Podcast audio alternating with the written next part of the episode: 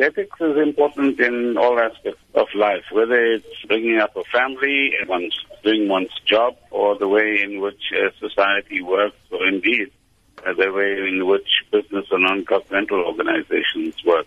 Ethics is about a society's moral and integrity standards, which help to guide their actions at a day-to-day level, and is that little voice in our brain which says something is right or something is wrong. Now, we don't always listen to that voice, or sometimes the voice disappears completely, and that's when people start doing all the wrong things, whether it is violence against women, violence against children, on the one hand, or bad social behavior, particularly in a South African context, and worse still in an economic context where stealing, robbing, engaging in corrupt practices, or in improper business practices actually leads to uh, one or other kind of uh, disaster and problem. So the, the issue of ethics is not just about how business is conducted. It's about how each of us make choices at a day-to-day level and how we balance, if you like, economic incentives to do certain things on the one hand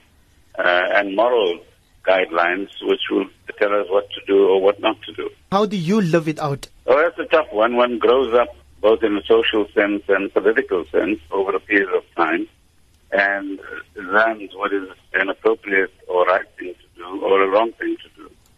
So we, we grew up in the Congress movement, which taught us that, for example, non-racialism is very important.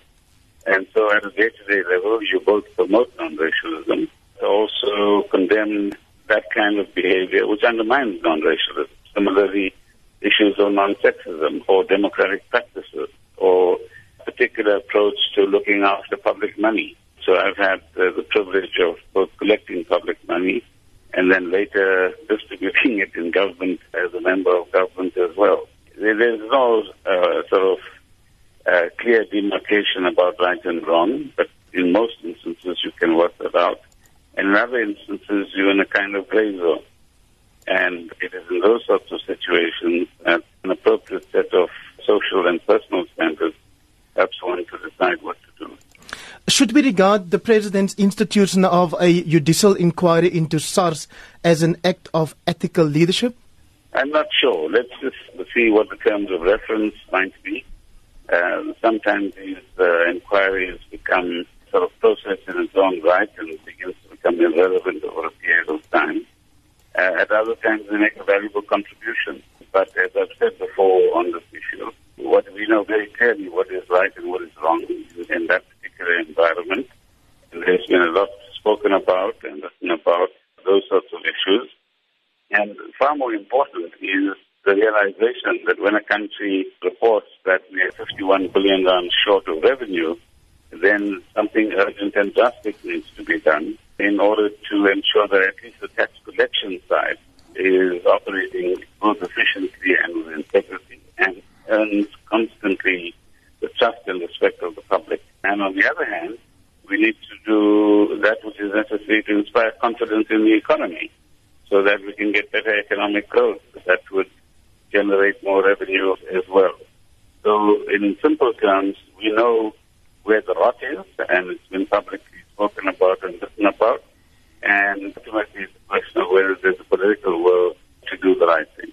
In your view, Mr. Gordhan, is South Africa doing better in the public or private sector when it comes to ethical leadership? I think we actually have challenges in, in both spheres. And there's literature beginning to emerge which suggests that both pre-1990, well, there have been many bad things that happened pre-1994, and that some of those things might have actually laid uh, down a kind of uh, template which might be guiding some of our behavior in the current process. But secondly, you know, both in the past uh, pre-1994 period or pre-1990 period, when businesses engaged in what I call sanctions busting activity, that required uh, one to actually cross legal lines and do that which was necessary to get oil in or arms out or whatever the case might have been.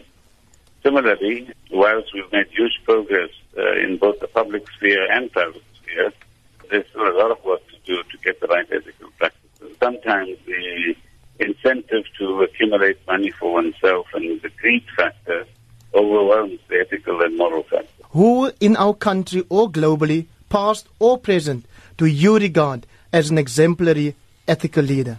Look, we've had many in our own country. This year we celebrate the centenary of the birth of Oliver Tambo, and he's a brilliant example of ethical leadership in the broadest sense. One, a person who understood what justice meant, a person who understood uh, what it meant to fight injustice, but also to have a vision of a, of a future South Africa, which we are enjoying today through his uh, brilliant leadership together with, with others.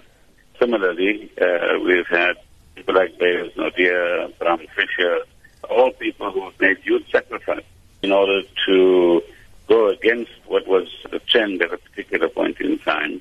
And in today's terms, actually set important standards and sources of inspiration for people to actually emulate. So from time to time, you will get uh, leaders in, in various parts of the world who inspire the right kind of conduct, both amongst themselves, but uh, in, in others as well. But remember, human beings are human beings. Eh? There's no angelic human being. We will all have mistakes that we will make. We will all have weaknesses that we might succumb to. Uh, but the key is to be inspired by the best qualities in all of these sorts of people and in social behavior generally, so that we continue to strive for a more ethical uh, society and greater integrity in both business and in government.